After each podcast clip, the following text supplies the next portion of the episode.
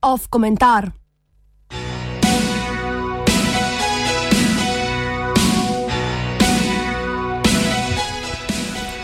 Od včeraj pred sedežem Ministrstva za zunanje zadeve poleg zastave Slovenije in Evropske unije plapola še zastava NATO. Ne, ne gre za enodnevno predstavo za medije ob 17. Oble 17. obletnici slovenske pridružitve temu vojaškemu zavezništvu, pač pa bo temno-plava zastava visela tam 24-7, 365 dni v letu, kot je sporočil zunani minister Anže Logar. Simbolna militarizacija zunanje politike seveda služi zgolj še kot en prikaz klečeplazanja ali, moderneje rečeno, simpanja logarja za Združene države Amerike. Dejanja, ki jih lahko še najbolje opišemo kot patetična, na ključnega bralca predvsem napeljujejo k krinžanju, a njegove posledice so lahko še kako daljnosežne.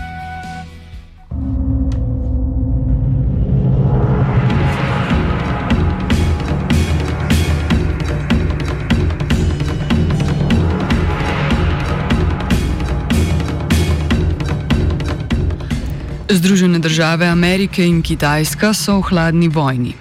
Ta sicer še zdaleč ne dosega intenzitete predhodne različice, ko je vlogo rivala ZDA igrala Sovjetska zveza, kar pa ne pomeni, da ne bo s časoma privedla do konflikta podobnih razmerij. Slovenija je svojo stran v tem globalnem merjenju mišic že izbrala.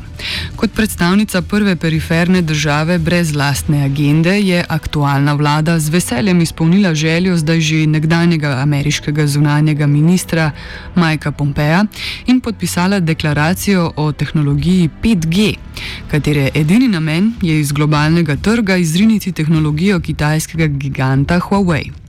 Če tudi EU kot celota ni bila pripravljena slediti Trumpovskim težnjam po trgovinski vojni s Kitajsko, pa je jasno, da nima niti namena hliniti neutralnosti v tej vojni za ohranitev Zahoda, torej ZDA, kot vodilne vele sile sveta. Oh, with China.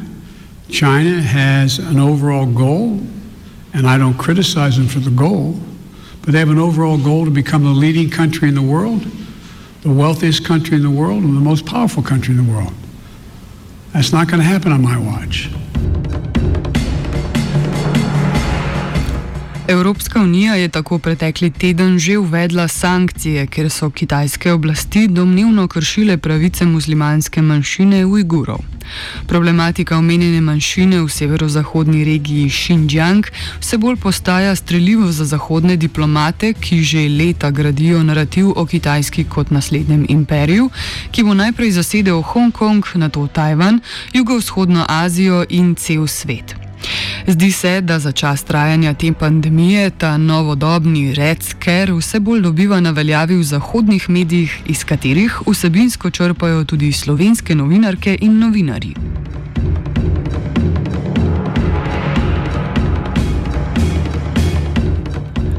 Poročila o dogajanju v Xinjiangu se zdijo dvomljiva.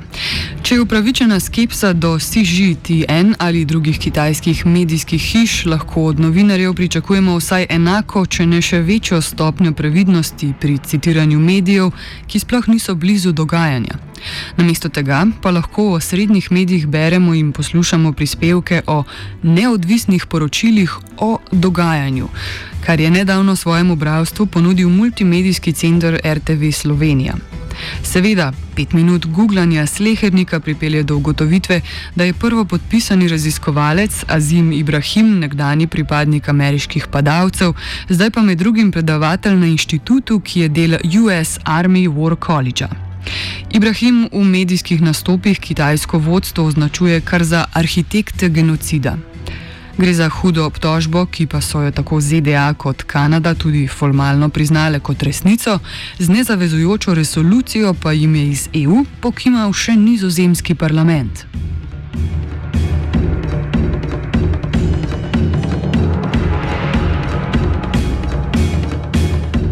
Genocid naj bi kitajske oblasti izvajale z masovno kampanjo zaporov v taborišč in prisilno sterilizacijo žensk, čeprav viri za takšne trditve ostajajo zelo vprašljivi, mestoma pa nič vredni za vsako resnejše iskanje resnice. Dejstvo, da številne neodvisne organizacije za človekove pravice financira National Endowment for Democracy ali drugače rečeno Ameriški kongres, tudi ni ravno stvar, ki bi jo lahko preprosto ignorirali. Vse aktivnosti držav v vojni proti terorizmu so vredne detaljne obravnave in posebne pozornosti, ko pride do morebitnega kršenja človekovih pravic, in to velja tudi za Xinjiang. Pavšalna raba termina genocid ne more biti nič drugega kot politična poteza. A zgodba ameriškega imperializma je že resnično dolga in predvidljiva, pa če tudi so v mestnem času sofisticirali metode uveljavljanja lastne volje.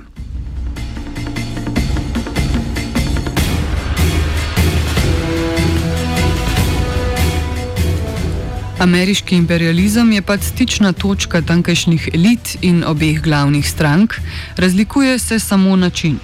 Medtem ko je Donald Trump uporabljal fraze kot so kitajski virus ali celo kung flu, pa Biden, Združeno kraljestvo in Evropska unija stopnjujejo vojno s Kitajsko na drugačne načine. Zahod med korona krizo Kitajsko ponovem obtožuje cepilne di diplomacije, čež da tankajšnja komunistična partija ali kot radi označujemo vse zahodu nenaklonjene vlade, režim, izkorišča pandemijo za širjenje geopolitičnega vpliva, tako da z državami globalnega juga sklepajo kupčije ali kar donirajo cepiva. Da bi podkrepili to tezo, razni komentatorji izpostavljajo dejstvo, da Kitajska sploh še ni precepila lastnega prebivalstva, tako da ji je očitno geopolitični interes ključnejši od življenj lastnih ljudi. A ta teza ignorira številke, ki pričajo o tem, da je bilo na kitajskem zadnje dni le po nekaj deset okužb, napram po več tisoč v razvitih državah, ki jim ne preostane drugega, kot da poskusijo v kar se da krajšem času precepiti prebivalstvo.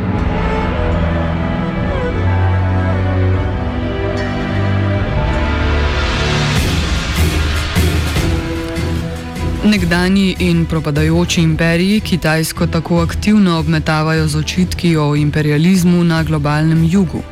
Ekonomski model privatizacije in gospodarskih reform po notah Mednarodnega denarnega sklada je v Latinski Ameriki ali Afriki za seboj pustil razdejanje, tako da nam ne zamerite, če skrb Angležev ali Francozev za dobrobit Afričanov ne jemljemo kot povsem iskreno.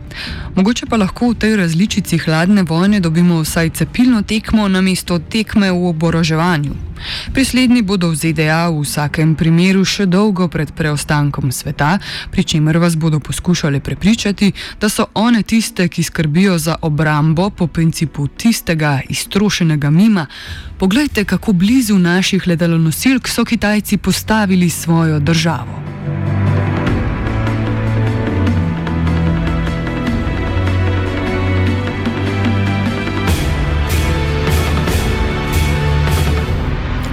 Komentiral je Antun.